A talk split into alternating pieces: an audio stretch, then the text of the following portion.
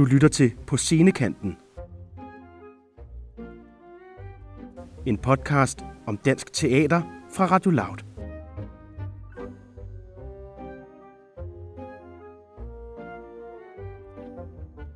Din vært, Karen Dick. Velkommen til På Scenekanten, Radio Louds program om scenekunst. I programmet der forsøger vi at blive klogere på, hvordan samfundsdebatten og de ting, der rører sig omkring os, kommer til udtryk i teater, performance, dans og alt det andet, der foregår rundt om på landets små og store scener. Jeg hedder Karen Dick, jeg er journalist og dramatiker, og jeg er jeres vært her på programmet. I dag der er jeg taget på besøg i Skuespilhuset i København for at tale med instruktør Anna Balslev om den aktuelle opsætning af Ibsens Et dukkehjem. Velkommen til. Tak. Et dukkehjem er jo skrevet af dansk-norske Henrik Ibsen tilbage i 1897. Hvilke temaer i forestillingen er stadigvæk aktuelle i 2020? Øh, det var faktisk skrevet i 1879. Okay, det er så sikkert mig, der har været de to til ja, præcis. øhm, jamen, den, øh, altså, der, der er meget af det, der sådan er evig, eviggyldigt øh, aktuelt. Øhm, altså, jeg synes, der for det første, så har vi ligesom trukket, trukket tema ud af det, som, som handler om at, vores bestræben efter at leve lykkeligt. Altså være så lykkelig som overhovedet muligt. Øhm, at vi som mennesker øh, bruger vores hverdag på at, at optimere vores liv så meget vi overhovedet kan. Ikke? Øhm, og, og det synes jeg er sådan ret genkendeligt som moderne menneske, at man, at man gerne vil leve det gode liv, også som et ungt moderne menneske. At der er sådan den der sådan store fordring om sådan at, at skulle leve et godt liv. Øh, og så øh, er der også et, bare et kæmpestort tema, som er øh, kærlighedsrelationen imellem to mennesker. Altså den pagt, man laver, når man, når man gerne vil finde en anden at leve lykkeligt med. Ikke? Øhm, og der er det ligesom, at de to karakterer, Nora og Helmer, er sådan nogle ikoner i forhold til kampen for at elske på den rigtige måde. Ikke? Men øh, vi skal jo tale meget mere om kærlighed og jagten på det gode liv mm. og præstationssamfund øh, de næste 55 minutter. Øh, men i første omgang skal vi måske også lige have styr på, hvem du er, Anna Balslev. Mm. Øh, så lad os starte fra starten. Hvor gammel er du? Uh, jeg er 29. det er sådan en, man altid misser. Sådan, åh, oh, er jeg 28 eller 9? Jeg er 29. Den næste fødselsdag er den store. Ja, mulighed. præcis. Stone sikkert. Og hvor ja. øh, kommer du fra? Jeg er vokset op, jeg blev født på Frederiksberg, og så øh, flyttede vi til Virum øh, i Nordsjælland, lige mellem Holte og Sovnfri. Øhm, og så er jeg faktisk vokset op der, men jeg er også norsk. Jeg er halv norsk, min far er nordmand. Øh, så jeg har halvdelen af min familie i Norge, i Oslo, og en øh, halvdelen af familien i Danmark. Øhm, ja. ja. Hvordan kom du øh, så ind i teatreverdenen? Mm, det gjorde jeg øh, igennem. Altså, jeg kommer af en familie af øh, mennesker, der er meget kulturforbrugende.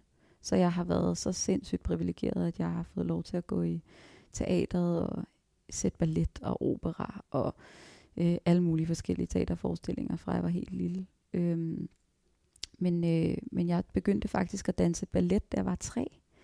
Øh, som jo er en okay tidlig alder. Det var begyndte jeg at danse klassisk ballet hos, øh, i, i Fredensborg hos en, en fantastisk kvinde, ved Randi.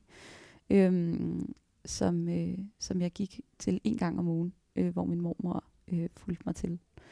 Øhm, og så, øh, så dansede jeg faktisk ballet i, i 12 år, og har spillet en masse teater. Og, øhm, så, så min bevidsthed omkring det at performe og lave performancekunst har ligesom været ret tidligt, tror jeg.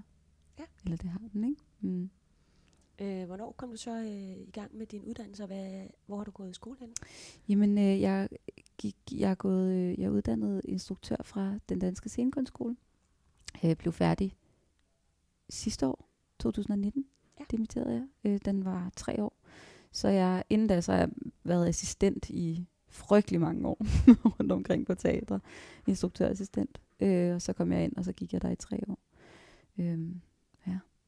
Nu øh, sagde du det her med, at du voksede op i et hjem, hvor man gik i teater og til mm. koncerter i balletten.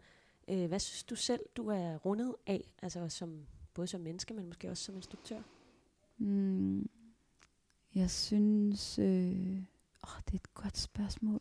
Hvad jeg er rundet af en god kombination af øh, sådan klassisk dannelse og popkulturel interesse, hvis det giver mening. Og så et ret sådan ildret følelsesliv. øhm, jeg tror, jeg er født med muskelsvind, som er et fysisk handicap, øh, som øh, jeg er født med, øh, altså det er arveligt. Og, øh, og da, jeg, da jeg var lille, så blev jeg sendt til ballet for ligesom at genoptræne min egen krop. Øh, øh, eller ikke at genoptræne, men at holde den stærk. Ja. Øhm, og det var balletten sindssygt godt til, fordi at der var den her sådan, træning, som gik på styrketræning, men også øh, balance og ynde og holde kroppen øh, sådan rank og øh, holde den oprejst, så det er ikke bare sådan hardcore styrketræning af, af en enkelt muskel eller sådan. Øh, og den har faktisk gjort, at jeg er ret funktionelt fysisk øh, i forhold til i forhold til hvad det er for et handicap jeg har. Og jeg tror det har rundet mig meget at bruge øh, kunst til også at behandle det som er ens modstand. Ja. Øhm, som, som også er det, der gør, at jeg er ind med at være instruktør, at det er den form for kunstart, man kan lave, når det er, at man har en krop, der ligesom ikke nødvendigvis kan være udøvende. Ikke? Ja. Mm. Øhm, men hvilken slags øh, instruktør er du så, eller hvad vil du gerne som, som instruktør? Har du sådan et, nogle, et kunstnerisk projekt, eller nogle særlige ønsker for, hvad scenekunst skal kunne? Mm. Eller? Altså, jeg, jeg interesserer mig enormt meget for øh, sansliggørelsen af det indre liv. Det vil sige, sådan, øh, at, at udfolde øh, det inderste, den inderste kerne på en fysisk sanselig måde i rummet, vi befinder os med performeren. Øhm, og, og jeg tror, der på den måde, så ligger der sådan et, et ret stort sådan, kropsligt element, som interesserer mig meget. Øhm, jeg fokuserer meget på, øh, på hvad, det, hvad det er for en krop, karakteren har, og øh, arbejder meget med den sansliggørelse. Men jeg tror egentlig, at det, der betyder mest for mig, det er at gøre det til genkendeligt, altså lave en genkendelig tråd imellem det, der sker foran os og publikum. Øhm, så jeg, går, jeg interesserer mig for publikumskontakt og nærvær, og at jeg som publikum ikke skal belæres, men genkendes øh, og berøres af noget, som findes i mig selv allerede. Øhm, det synes jeg, det synes jeg går meget, meget op i. ja. Hvordan gør man det konkret i sit arbejde? Øhm, jeg synes faktisk, at i, i arbejdsrummet, så handler det om at øh, hele tiden lytte på, hvad det er, jeg selv kan mærke noget ud fra. Det vil sige, i stedet for, at jeg sidder derhjemme, jeg, i en instruktørs arbejde, så sidder man jo i et år og forbereder sig inden. Og så lige pludselig står man i et rum med en masse mennesker, som pludselig kan være med til at formidle den her fortælling. Og hvis jeg kommer ind i det rum og har en, en umiddelbar øh, indstilling til, hvad det er, jeg gerne vil have, at de skal udøve med det samme, så lytter jeg ikke til, hvad det er, vi rent faktisk kan formidle og berøre. Så jeg synes, det er noget med at stille sig åben over for, at det de udøver, det de gør, øh, hvordan det rører mig i nuet, i stedet for at gå med alle mine tænkte tanker, og så satse på, at de tænkte tanker også kommer, kommer med i det. Ikke? Øh, altså helt konkret, så kan man også sige, et eksempel er, at der er forskellige metoder, hvor at, at man øh, stiller spørgsmål til materialet. Altså, øh, sådan, så nu har vi lige arbejdet med dukkehjem, så stiller man spørgsmål til, hvordan, øh, hvordan de forskellige karakterer har det, og så øh, besvarer dem kunstnerisk, scenekunstnerisk. Øhm, så improvisatorisk, øh, skuespillerne besvarer selv spørgsmålene, øh, og tager de besvarelser, de laver med i det endelige produkt. Så det får den her sådan friske, improvisatoriske øh, form eller øh, stil, ikke? I stedet for at det er noget, der er sådan her stringent og valgt, før vi gik ind i rummet sammen. Du lytter til På Scenekanten på Radio Loud. Jeg hedder Karen Dick, og jeg er jeres vært. Og i dag der taler jeg med Anna Bjørnslev, der er instruktør og har instrueret et dukkehjem, der lige nu spiller på det kongelige teater. Og jeg tænker, at nu skal vi til at tale lidt om, øh, om forestillingen. Nu nævnte du det lige lidt om, hvordan I havde arbejdet med den. Men øh, vil du ikke starte med at præsentere øh, forestillingen ganske kort, øh, og sige lidt om, hvad den handler om, for dem, der ikke har læst den i skolen, eller hvordan det nu ellers er. Altså kort fortalt, så handler den om Nora og Torvald Helmer, som er det unge ægtepar, øh, som vi ligesom følger. Vi følger to dage i deres liv. Og øh, det er deres kærlighedsrelation, som på en eller anden måde bliver udfordret af, at de har været gift i otte år, og de har fået tre børn. Øhm, og det er den lykkeligste tid, de nogensinde har haft, fordi Torvald han skal være direktør for Aktiebanken. Øhm, og de har ligesom øh, haft det her projekt med, at han skal være øh, den her big shot øh, inden for businessverdenen. Ikke? Og nu er det endelig lykkedes. Øh, men for at det kunne ske, så han gik ned med stress øh, for nogle år siden, og, øh, og no, helt i starten af deres forhold. Og der valgte Nora at låne en halv million kroner af en person, Torvald virkelig ikke ville have, at hun skulle låne penge af. Og det har hun gjort bag hans ryg, for at han ikke skulle opdage det. Så hun går med den her hemmelighed, øh, og vi følger ligesom, hvordan at den her hemmelighed hen over to juledage langsomt bobler op til overfladen. Øh, og grundlæggende så handler det om det her med, at de simpelthen går rundt og er bange for, hvordan den anden vil reagere, hvis den anden ser det ens sande jeg. Det synes jeg jo selv er frygtelig genkendeligt, ikke? At vi sådan, det der med øh, parforholdet, hvordan man gerne vil forblive øh, den person, som vedkommende forelskede sig i. Og skammen over at opdage, at man også er en, der låner penge af lumske personer, holder hemmeligheder og ikke øh, måske er den her sådan perfekte udgave den anden har forelsket sig i. Så det er ligesom sådan den overordnede handling. Ikke? Det er et ret klassisk egentlig tragisk drama imellem de her to, kærlighedsdrama imellem de her to mennesker. Øhm, og som forestilling, så synes jeg, at, at, øh, at den handler meget om, som jeg også sagde tidligere, om lykke, altså om jagten på lykken. Øhm, og der, der er den her ikoniske slutning, som er, at Nora jo finder ud af, når det er, at Torvald han opdager, at hun har lånt alle de her penge, så går han bananas. Og hun opdager, at i det, at han ikke kan acceptere hendes handlinger, altså hendes kærlighedshandlinger, hendes kærlighedsgerninger, som hun har gjort for at redde hans liv, da han gik ned med stress, øhm, og opretholde deres, deres liv sammen. Når han ikke kan acceptere det som en stor kærlighedserklæring, så opdager hun, at han ikke er den mand, hun troede, han var øh, og vælger så at, at bryde deres kærlighed. Så et øh, klassisk øh, maskefald, kan man sige. Øh, ja, ja, det er meget godt, det er godt øh, sagt. To, to ja. mennesker, der har øh, forestillet sig Fuldstændig. Øh, og forestillet sig om hinanden. Fuldstændig. Og jeg synes, det er så, Ibsen har simpelthen skrevet så smuk en sætning. Hun, han, han skriver, at Nora siger til sidst, Torvald, vores hjem er jo ikke andet end en legestue. Og jeg synes bare, det er så smukt. Også rent sådan teatralsk. Altså, jeg kan virkelig godt lide, når der er noget i, i det teaterrum, vi sidder og kigger ind i, der resonerer i, i den virkelighed, vi har, når vi sidder i teatret. For eksempel har vi også puttet en replik ind helt i starten, hvor Torvald han siger, jeg elsker dig til, øh, til Nora, og så siger hun, at hun synes, det lyder falsk, når han siger det. Ja. Og så begynder hun ligesom at sige, at det lyder som en replik. Og der er et eller andet i den punktering, når man sidder som publikum og hører en skuespiller på scenen sige, at det lyder som en replik. Ja. Og det er jo noget, man kan sagtens skulle sige privat til en person, men når det sker på scenen, så sker der sådan en instant connection til, til det der med, at vi sidder i teatret. Og på samme måde, når hun sidder i slutningen og peger på, at deres hjem er en legestue, så kan vi godt se det, fordi at de har okset rundt i halvanden time for øjnene af os og leget. Ja. Øhm, og det er på en eller anden måde det, hun peger på. Det synes jeg bare er genialt, at Ibsen har skrevet det for så lang tid siden. Altså. Det lyder som om, du også er meget forelsket i, i sproget og replikkerne, og ikke kun i, ja. i fortællingen. Ja. ja. Det er også en god tekst. Det er en skidegod tekst. Altså, den er lang, ikke? Vi har også fjernet et døgn.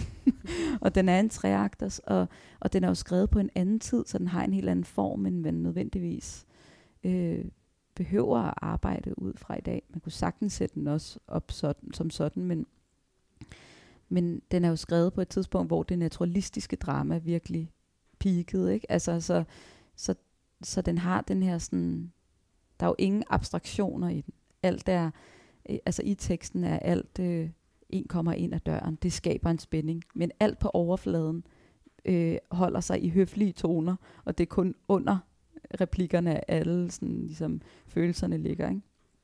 Det der sådan, ja, meget naturalistiske drama. Og det kan man jo ikke andet end at forelske i, synes jeg. Jeg synes virkelig, Ibsen har komponeret en tekst, som er så svær at skære i, fordi at den hænger så godt sammen. Hvis du fjerner en lille bitte perle et sted, så ryger der en hel halskede et andet sted. Altså. Øhm, vi har talt jo lidt om deres, øh, om deres kærlighedsforhold og mm. om Mm. forstillelse. Du siger, at hvis, hvis Torvald ikke kan se, at det Nora har foretaget sig er en kærlighedshandling, så, øh, så er han ikke den mand, hun troede. Jeg tænker, det også handler om det der med sådan noget terapeutsprog, hedder kærlighedssprog. Altså Mm. at Noras kærlighedssprog er øh, omsorg og øh, måske også at, at gå og passe på i kulissen, mm. uden at han opdager det. Og det er måske ikke det øh, kærlighedssprog, han ønsker at tale. Nej, det er super godt sagt, altså der, fordi hun snakker hele tiden om det her med det vidunderlige, altså som er sådan et, et begreb, hun håber på, at det vidunderlige vil ske. Øhm, og det vidunderlige for Nora er, at det viser sig, at de begge to vil ofre sig for hinanden. At de er villige til at ofre sig for hinanden. Og at når den afsløring ligesom kommer frem, vi offrer os for hinanden, så kan de elske hinanden sandt. Og indtil da, så er man bare forelsket eller forelsket i tanken om at være sammen. Øhm, og der synes jeg, det er et meget godt ord, det der med kærlighedssproget, at man ikke, de taler ikke samme sprog. Og jeg snakkede øh, med en parterapeut på et tidspunkt, som sagde det der med, at man, at man i virkeligheden øh, øh, finder sin modsætning. Altså en, som man, man kan genkende sig selv i. Ikke? Øh, eller ikke kan genkende sig selv i, men har- som har nogle værdier, som man godt selv kunne tænke sig at tilegne sig. Og det er jo bare så godt, at de, de forelsker sig i hinandens modsætninger, men de får aldrig lavet den pagt, der hedder, vi er der for hinanden i tygt og tyndt, også i hinandens modsætninger. Og så får de simpelthen bundet sig så langt ind i deres forhold til hinanden, at lige pludselig, når det kommer for, altså for dagen, hvordan de i virkeligheden er begge to. Når Torvald så ikke kan elske det i Nora, alt det, som hun har offret. Og hun er også en skurk. Altså hun er ikke nogen sådan Jeanne d'Arc eller sådan noget, fordi hun, hun, går også, hun går også ind og jeg synes jo også, at det er, øh, hvad kan man sige, lidt krysteragtigt at gå rundt og være den alt opoffrende kvinde, der regner med, at alle vil klappe af hende og takke hende, når det er, at det bliver bevist, hvad det er, hun i virkeligheden har gået og gjort i det stille. At en dag vil der komme en medalje. Ja, så er det vel heller ikke rigtigt et offer, eller i hvert fald Nej, ikke på det, måde. altså det, hun kæmper jo en sindssygt hård kamp, men, men jeg synes jo også, at vi som mennesker har en, vi har en pligt til at tage vores plads i tide. Og man kan ikke, jeg synes ikke, man kan bede nogen om at, at, at elske en bagud, altså hvis det giver mening. Ja. Øh, og jeg synes også, at han gør hende uret. Altså, de, de har fået spundet hinanden ind øh, helt forkert. Og også og det er også noget, som, som jeg, der også ligger mig meget på sinde med den fortælling der, det er, at det er også noget, de gør, fordi at, at det er sådan, de har lært, at verden ser ud, også i deres køn. Altså, at han er sådan, og hun er sådan, og sådan er de i forhold til hinanden. Og så indtræffer de i nogle roller, hvor hun er moren, og han er manden, der går ud og tjener penge. Øhm, og den aftale har de ligesom lavet. Den køber jeg ret godt i 2020, altså. Øhm, men hvis man ligesom ikke får taget ansvar for, hvem man godt selv kunne tænke sig at blive set som i verden, tidsnok, så kan man jo ikke kræve af den anden, at man skal ligge sig på alle fire og sige, tænk en gang, at du i alle disse år har gået i otte år og passet på mig. uden at kny eller Ja, bede om noget. ja. Øhm, du sagde det her med, at man, at man forelsker sig øh, øh, i, i noget, man ikke selv har. Mm. Øh, Mm. jeg kom til at tænke på, der er en parterapeut, der har skrevet den bog, der hedder Hvorfor du aldrig forelsker dig i den I den forkerte. forkerte, Ja, ja, som netop har det her med, med, med det, hun kalder, jeg tror, hun kalder det krænker- og Ja, forløse-modellen, at man præcis. ligesom bliver, bliver tiltrukket af noget, man er, Ja. er optaget af, men ja. Ja. som også kan skabe alle ens øh, største parforholdskonflikter, fordi det er også det, der gør ondt, det man ikke Lige selv præcis. kan. Øhm, men hvis Helmer ikke er forelsket i Noras øh, selvopoffrelse og omsorgsgen, eller hvad vi nu skal kalde det der, hvad er det så, han er forelsket i? han er forelsket i ideen om hende. Og jeg tror, der, det som jeg synes er det hårdeste, i, som jeg synes, vi har forsøgt at, at arbejde os hen imod, det er, at man kan mærke, at potentialet var der. Altså, de ville godt kunne forelske sig i hinandens øh, modsætninger. Det, det kan man jo også, altså hvis man arbejder hårdt nok for det, kan man jo godt lære at, at elske den andens indfald, og lære at tilegne sig den andens skæve sider, så man kan blive hele sammen, i stedet for to øer. Ikke? Øhm, Men, men jeg synes, at det, det, de, det når de ikke, fordi Torvald, han, og det gør, og Nora gør det også, men Torvald kommer også til at objektivisere hende ved hele tiden og stille sig på siden af hende og beundre hende. Og i den beundring, så skåner han hende også for konflikt og det virkelige liv. Og det tror jeg er en ret klassisk forelskelsesmekanisme øh, egentlig, uden at vide noget som helst om det. Jeg er ikke parterapeut.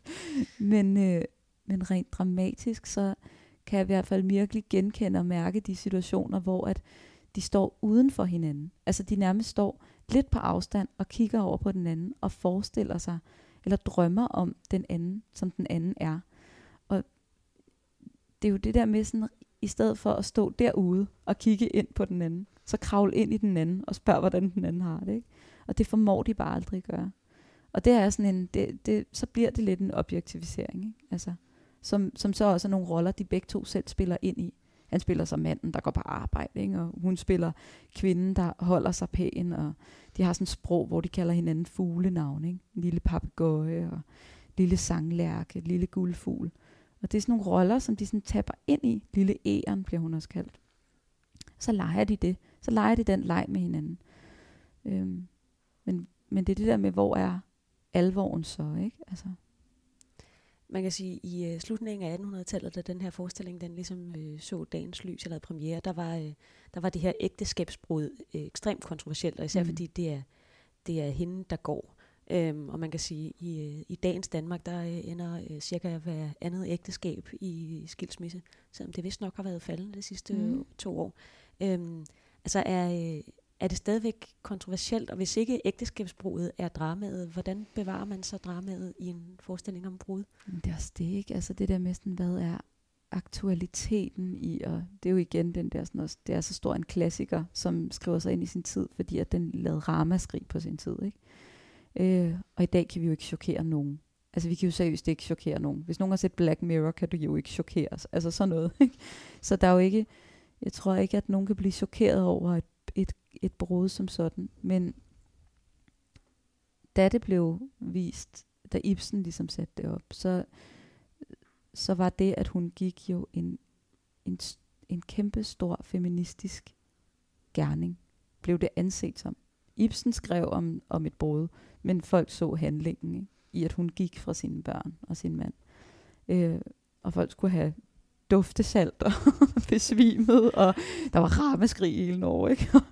og folk, der var en, der fortalte mig, at folk gik rundt med sådan nogle badges, hvor der stod, jeg vil ikke tale om et dukkehjem. så fordi det var, der var så stor debat, så man var bare sådan, du må ikke stoppe mig og snakke om et dukkehjem. Det synes, jeg er en vild, sådan en, sådan en merch, vil jeg gerne have.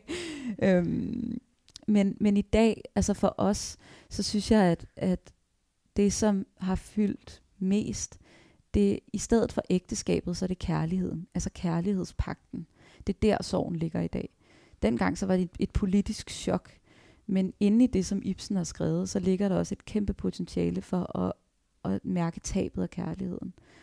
Og, og det synes jeg er en, en kæmpe tragedie i dag, at vi i jagten på det gode liv, så vi forelsker os jo ikke i noget, der ikke nødvendigvis har, der ikke har potentiale. Men det kræver bare undskyld mit franske, pisse hårdt arbejde.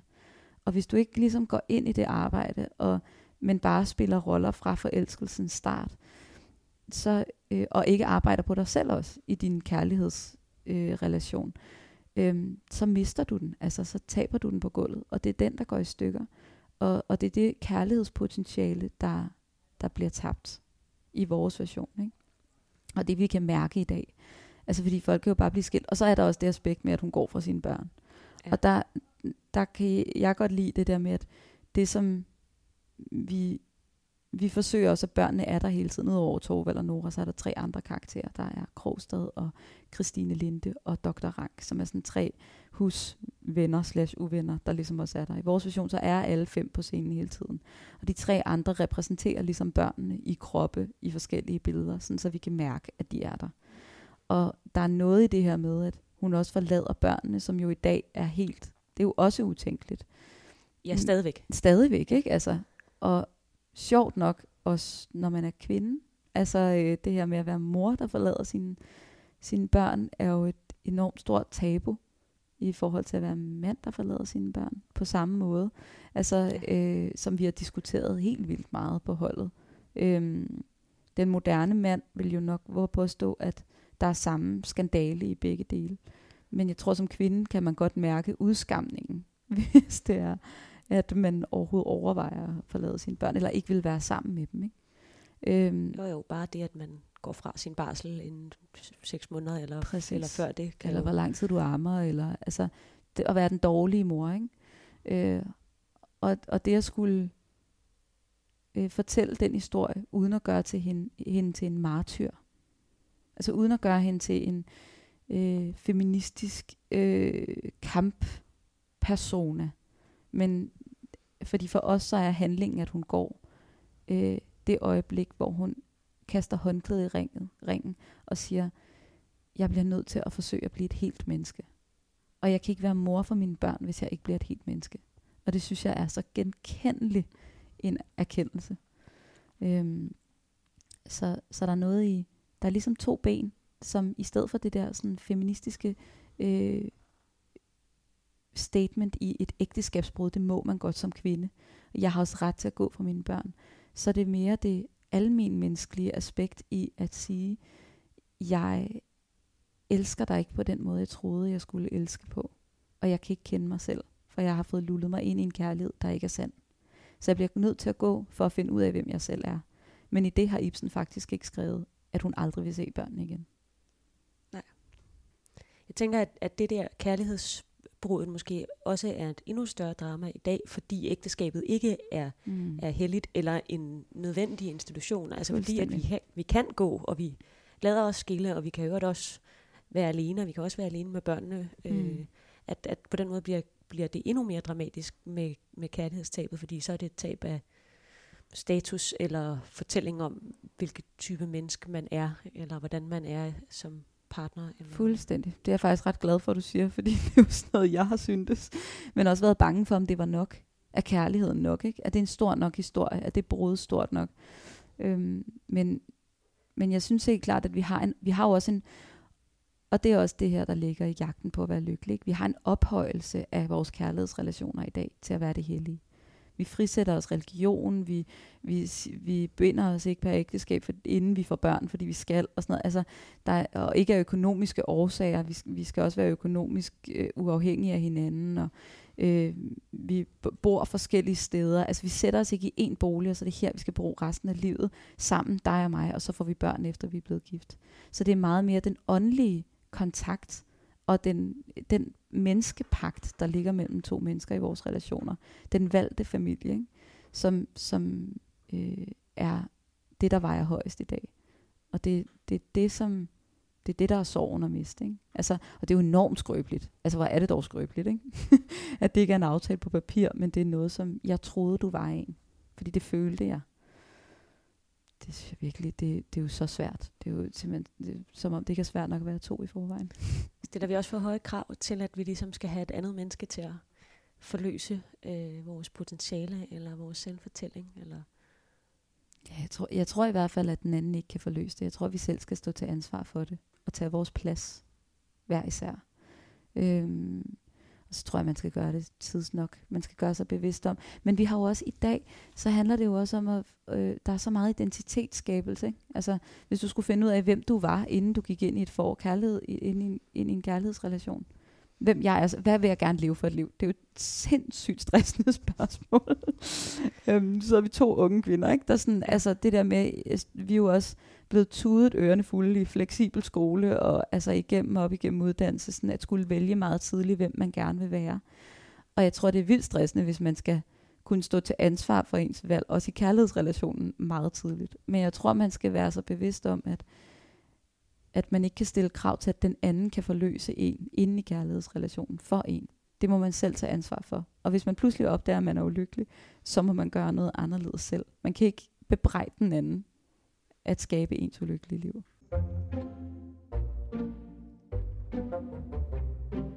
Du lytter til På Scenekanten på Radio Loud. Jeg hedder Karen Dick, og jeg er jeres vært. Og i dag der taler jeg med Anna Batslev, der har instrueret et dukkehjem, der lige nu spiller på Det Kongelige Teater. Vi har talt øh, om parforhold og om kærlighed. Og det skal vi fortsætte med at tale om, og så skal vi måske tale lidt om, hvordan scenekunsten øh, forholder sig til de her øh, stadigvæk meget øh, aktuelle øh, temaer. Du, øh, du nævnte tidligere, Anna, det her med, at øh, Torvald og Nora har lullet sig ind i de her øh, meget sådan karikerede øh, Øh, øh, roller, som også er, er meget kønnet. Hvad er det for nogle, øh, for nogle kønnede roller, vi har, vi har placeret dem i? Eller de har placeret sig selv i, måske i høj grad? Jamen, øh, jeg synes, det, der er de her øh, personager, som de godt kunne tænke sig at være. Altså hvis jeg skal starte et andet sted, så øh, i den her øh, idé om, altså den her idé om at være lykkelig, så synes jeg, at vi har øh, lige nu kørende et, et præstationssamfund, som hele tiden kræver, at du skal kunne optimere dig selv. Og øh, inden for det, så ligger der sådan en, et krav om en ret stor bevidsthed, som jeg også snakkede om lige før, ikke? en ret stor bevidsthed om, hvem du er som menneske. Øhm, og hvis du ikke, øh, hvis du hele tiden skal kunne formulere, hvem du er, så tror jeg, at man skal, øh, at man kommer til at tabe sig ind i nogle personager, nogle idéer om, hvilke slags typer af mennesker findes der, i stedet for at være dit autentiske jeg, som du nok ikke kan sætte ord på, men bare kan være og er i verden. Ikke? Uden at det skal lyde sådan højfilosofisk, men, men i praksis så er, der bare også noget i, i vores kønsroller i, imellem Torvald og Nora, hvor at, at de har en idé om, hvilken kvinde Nora skal være i det ægteskab, og hvilken mand Torvald skal være. Og de personer øh, er, at Torvald har meget tidligt gerne vil have en karriere. Øh, og den karriere har Nora offret sig selv for og sagt, ved du hvad, den vil jeg gerne bakke op om. Det, det gør vi. vi. Og vi får også tre børn og et hjem, og så, og så er det jo klart, så kan hun jo ikke få et mega fuldtidsjob, selvom hun måske godt kan lide at arbejde, men han var bare først i, i det. Og, og så er der bare noget kulturelt, som, som går ind, altså som er meget større end os og vores generationer, og altså som, som, går, som laver ekko tilbage gennem alle vores bedste forældres generationer og sådan noget, ikke? Som, som handler om, at lige pludselig så taber man jo ind i nogle kønsroller, hvor at pludselig er det faktisk hende, der passer børnene mere, ja. og ham, der går på arbejde. Og det kan godt være, at det ikke, at i vores tid, så er det ikke fordi, at det, har de, det var logisk, fordi han var manden, og hun var kvinden. Men i vores tid er det meget mere en, det var bare sådan, det lige pludselig var. Og det kan jo også sagtens have været anderledes, at det var et, at vi havde byttet køn, kønsrollerne om. Ikke? Ja, det havde jeg nemlig lyst til at spørge dig mm. om. Altså, øh, jeg tror, det var sidste år, de spillede scener fra et ægteskab herinde mm. på teatret, hvor man havde byttet om så på manden og kvinden i mm. det ægteskab. Om det vil om det vil give mening at have, eller om det, om det kunne lade sig gøre at bytte om på Nora og Helmer i... Altså selvfølgelig ville det kunne det, men det interesserede mig bare ikke. Nej. Altså fordi så ville det komme til at handle om det. Det er jo det der med sådan de greb, du tager på sådan nogle klassiske værker i dag, og især omkring køn de sidste par år, ikke? Øh, så, så bliver det et statement. Og jeg synes, at hvis du bytter køn om, så skal det være noget så udramatisk i virkeligheden. Så skal det være fordi, at det er noget, der klæder karakteren. Øh, du kan jo godt, jeg lavede Wuthering Heights på et, på et tidspunkt, altså på, som min afgangsforestilling, ja. der blev Heathcliff spillet af en øh, ung øh, arisk pige, og han er sådan en mørk forfører af en cigøjner persona, som ja. øh, Meget dyrisk Bronte har skrevet. Ja. Og der synes jeg, at det var, at Lucia, som spillede Heathcliff, havde bare en helt vildt sensuel, forførende energi. Og det var den, der var den vigtigste. Og hvis man, hvis jeg castede en, typecastede en mørk øh, stranger from the darkness, øh, og gjorde ham, til, ja, gjorde ham til et sexobjekt, bare fordi han var mørk, så ville det være et andet statement. Øhm, hvor der, der synes jeg, det var mere spændende bare at fokusere på Heathcliffs forførelse. Øhm, og på samme måde, så, øh, Øh, og så var det lige Lucia, der var, der var den, der, der passede til det. Og på samme måde, så har vi for eksempel Dr. Rank i, øh, i øh, som er husven af Torvald og Nora i et dukkehjem, øh, som oprindeligt bliver af en mand, men som i vores version bliver spillet af Ida Cecilie Rasmussen, som, så vi har gjort hende til en, øh, gjort Rank til en kvinde i vores version. Og det, det har også noget med den forførende energi. Rank er meget øh, forelsket i Nora, men kærligheden kommer som en kærlighedserklæringen kommer fra en, øh, som en sky fra en øh, klar himmel. Og der er noget i den utænkelige kærlighedserklæring, hvor vi synes, det var spændende at gøre den karakter til en kvinde. Så at det er Noras, øh, hvad kan man sige, snæversynede tilgang til kærlighedsrelationer, der gør, at hun ikke tænker, at en kvinde kan forelske sig i hende. Ja. Øhm, altså jeg synes jo stadig, det er ret interessant, vi taler om det her med Noras sådan, øh, omsorgsgen, eller mm. selvopoffrelse, eller reddergen, eller hvad vi nu skal kalde det. Øhm, som jeg tænker måske stadigvæk er en, en feminin position. Ikke at mænd ikke kan indtage den, men at trods alt er en ret klassisk øh, feminin position. Og det er vel også at derfor, at det er voldsomt stadigvæk i dag, at hun går for eksempel fra sine børn, at hun simpelthen i virkeligheden vender på en tallerken og nægter at, at ofre sig selv. Øhm, er det stadigvæk en, altså, en, forventning til kvindelighed, at man jeg tror da, der er en, og den, men den kan mænd sagtens også have, men jeg tror da, der er en feminin energi, som handler om den her, øh, et, et omsorgs, et altopoffrende omsorgsgen, for, øh, altså som bare kommer sådan, øh, fra at være, at det er hende, der har ansvaret for, at der, at der bliver lavet med. Eller, altså, men men jeg, det, jeg tror egentlig, det er en egenskab, som mænd også kan have. Altså, den er ikke, den er ikke overhovedet ikke forbeholdt kvinder. Øh, og der er også mange kvinder, der ikke nødvendigvis har den. Øh, men jeg tror lige Nora, øh, ligegyldigt hvilket køn hun er, bare har den her redder-tendens. Altså hun tror, at hun skal redde Torvald ikke, i det stille. Og det tror jeg er noget sådan rent parforholdsmæssigt, at vi at man skal passe på med, altså at det, være den her redder af, af en, der, der knækker uden at få noget igen selv. Altså. For så ender man med at være nødt til gå sin vej, måske, når man ikke... Ja, og så offrer man jo sig selv, altså på den måde, hvis man ikke... Det er jo også det, hun er jo ikke, hun er jo ikke villig til at sige, nå ja, jeg offrede lige mig selv, men øh, så går vi videre herfra. Altså, hun vil jo gerne have noget igen. Hun vil jo gerne have, der er jo sådan en, hun vil jo gerne have en, øh, en kærlighedspagt, der siger, det, det, at du også vil ofre dig for mig. Øhm, og og, og det, det slår han jo også til sidst. Altså, Ja, det er ikke, det er ikke et gratis offer. Nej, det, det. og, og, og det, det, der synes jeg også, at der, der er de også bare et forhold, der er på spidsen, fordi det bliver sat på spidsen i, Ibsen, i, på spidsen i Ibsens tekst, fordi at Torvald kommer til at være sexistisk, og han kommer til at nedgøre hende, og degradere hende til en, der ikke helt kan tænke selv, og sådan noget. Altså, øh, og han tager hende ikke med ind i sin øh, overvejelser omkring sit job, og altså, så, så de kommer til at spille nogle kønsroller, som, som er ældre, end hvad vi måske kan genkende i dag. Men når vi når til brudet, så kan vi mærke, hvad det er, der egentlig er skrevet. Altså hvad det er, der gik galt, og genkende os selv i det. Ikke? Ja, og hun har jo faktisk tænkt selv. Altså man kan sige, det der øh, lån, hun har taget, mm. er jo mm. faktisk hende, der, der, der gør noget og handler. Eller Fuldstændig. Noget. Øhm, jeg nævnte det tidligere, at, at uh, et dukkehjem jo er sådan en klassiker, og en, mm. mange af os måske har læst uh, i skolen. Jeg kan huske, et af de store spørgsmål var ofte det her med, hvor gik Nora hen, da Nora gik ud? uh, det var, uh, Gode gamle. Det var det, det var det store spørgsmål. Uh, er det stadigvæk det store spørgsmål, eller er det... Uh... Hmm. Ja, altså, øh, vi har jo næsten besvaret det faktisk. Øh, jeg vil ikke spoile for meget, men, men der er der helt klart en tease til, hvad der sker lige efter. Øh, at, hun, at hun går. Der er sådan en instruktørtradition med, at man siger sådan, lad du hende smække døren, eller lad hun sådan stå på klem, eller lukker hun den forsigtigt, eller altså, som skal vise. Og faktisk i den oprindelige, der siger hun, at hun sover hos Christine, altså hendes veninde, i nat, og så ved hun ikke, hvad der ellers skal ske. Men i dag, så, jeg tror også det der, hvor går Nora hen, er sådan noget, er sådan lidt, øh, detektivarbejde, fordi at det, det, naturalistiske, det naturalistiske drama er skrevet sådan, så det går OP op. Altså det er ikke så emotionelt. Det er meget sådan, det, øh, alt, alting har en ende, alt har en sløjfe, alt bliver afviklet på en. Alle karaktererne bliver afviklet, undtagen Nora.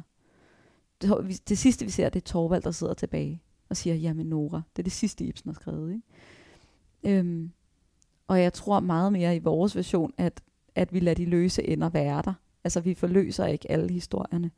Øhm, så jeg tror faktisk ikke, man sidder så meget med følelsen af, hvor går hun hen, men mere bare ser, at hun frisætter sig selv fra det, som hun føler sig fanget i. at det er det, der er handlingen.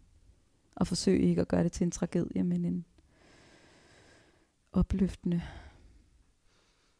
Ja, og, handling. og måske ved hun det heller ikke selv. Det er vel i virkeligheden også en... Nej, det er det. Altså, jeg, jeg, tror, jeg tror virkelig ikke, at... Altså, jeg tror, hun, hun er bevidst om, at hun går øh, tidligere. Altså, det er ikke et chok for hende. Hun er ikke sådan, gud, jeg bliver nødt til at gå. Fordi hun ved godt tidligt, at hun egentlig gerne vil, vil være alene og være sig selv. Øhm, men,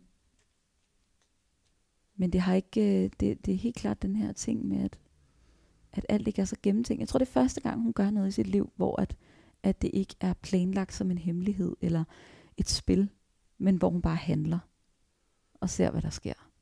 Og det er også derfor, jeg er sådan, det kan da godt være, hun kommer tilbage til en 2-5-ordning eller sådan noget med de der børn. Og, altså, det sidste, vi faktisk har som replikker, det er også, at Torvald spørger hende, om hun aldrig mere vil tænke på ham. Og så siger hun bare farvel. Og så det er jo også, det er jo også at, at på en eller anden måde sige, altså at vi ikke nødvendigvis besvarer, at hun ved, hvad hun skal nu. Det tror jeg virkelig ikke, hun ved. For første gang sætter hun sig ren og åben over for verden til ikke at vide, hvad der skal ske.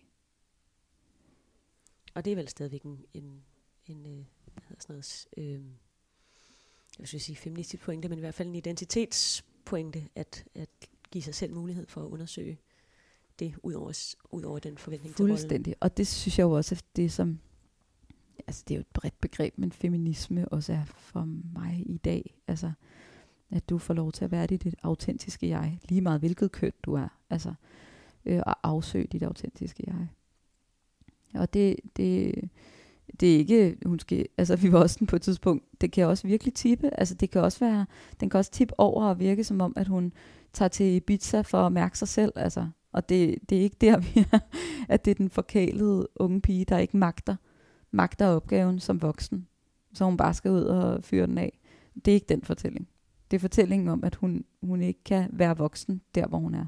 Fordi der, hvor hun er, der bliver hun fastholdt i en barnlig idé om, hvem hun kunne være, i stedet for at gå ud og rent faktisk være et voksent menneske. Hvor hun er et lille æren, der spiser sukkerbrød Præcis. og danser den der, hvad hedder den? Tarantella. Ja. Det, det er en af de det kan jeg stadig huske fra da jeg læste teksten Ja. som teenager. Det er den der ja. dans, hun altid vimser Hun, rundt hun går rundt og laver show, ikke? Altså hun vimser rundt og laver show for andre, i stedet for bare at være... Det var, der var også bare det her geniale begreb killjoy, ikke? Altså at være, at være en killjoy, at, at dræbe den gode stemning. At være, at, og det er Nora så dårlig til, ikke? Altså, hun, hun er sådan her, hvis der er nogen, der bare hænger lidt med næbet, så prøver hun sådan at knipse og være sådan og højt humør, fordi hun, hun kan ikke tåle at mærke, at der er noget, der ikke er godt. Fordi så internaliserer hun det og gør det til, at hun har fejlet.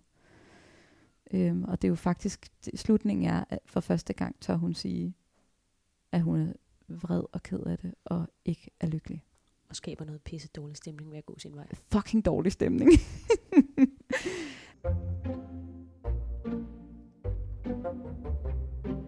Du lytter til på scenekanten på Radio Loud. Jeg hedder Karen Dick, og jeg er jeres vært. Og i dag der er jeg på besøg på det Kongelige Teater for at tale med Anna Batslev, der har instrueret et dukkehjem.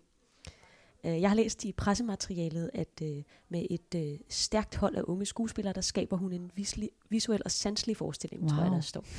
Øh, og du nævnte selv øh, indledningsvis, da vi talte om, hvilken instruktør du er, at du ja. er meget optaget af det her med øh, det visuelle og det sanselige. Og Ja. samtidig så er, er øh, et dukkehjem jo, som du også selv påpegede, et meget, øh, altså i, i sin kerne en meget naturalistisk øh, fortælling. ja. Øh, men du arbejder jo ikke naturalistisk med den, eller hvad? Jo, altså både og, fordi du kan ikke, øh, altså, man bliver nødt til på en eller anden måde at kunne mærke de menneskelige relationer, de menneskelige mekanismer, der ligger mellem to mennesker, når de står og har en samtale. Så det vil sige, nedenunder deres replikker, så ligger der en masse følelser. Altså, vi kan ikke bare, de kan ikke bare performe de der replikker, sådan, uden at have en eller anden naturalistisk udvikling, en eller anden bue, der går igennem forestillingen, som, som har en, hvor karakteren har en naturalistisk udvikling ikke, på den halvanden time. Øhm, men det naturalistiske rum er øh, opløst, og vi er i et, i, altså rent visuelt, i et øh, teatralsk univers. Det vil sige, at fysikaliteten og scenografien er abstrakt. Vi har arbejdet meget med sne, det er jul, når det er, vi er der. Så, så der er hele tiden noget. Jeg, har, øh, jeg så Parasite. Har du set Parasite? Øh, den øh, øh, Japanske. Ja. Jeg synes bare, den var pissegod. jeg synes virkelig, den var god. Øhm, men der, jeg synes bare, det er et rigtig godt tema, det der med, hvordan også coronamæssigt, at, at vi, øh, at vi øh, de her mennesker, som sådan creeper ind i nogle andres liv, og lidt lever på deres liv som parasitter. Øh, så det har vi lavet os inspirere af i form af de tre andre kroppe, der hele tiden er i det her rum. Så det er sådan en, en kølig forholdsbunker på et stort gulvtæppe, vi er i, som ikke har nogen møbler, som ikke har alt den nips, som et oprindeligt naturalistisk dukkehjem burde have. Øh, og så har vi en masse sne, der hele tiden kryber ind igennem sprækkerne. Og, og det, er jo, det er jo et abstrakt, sansligt rum.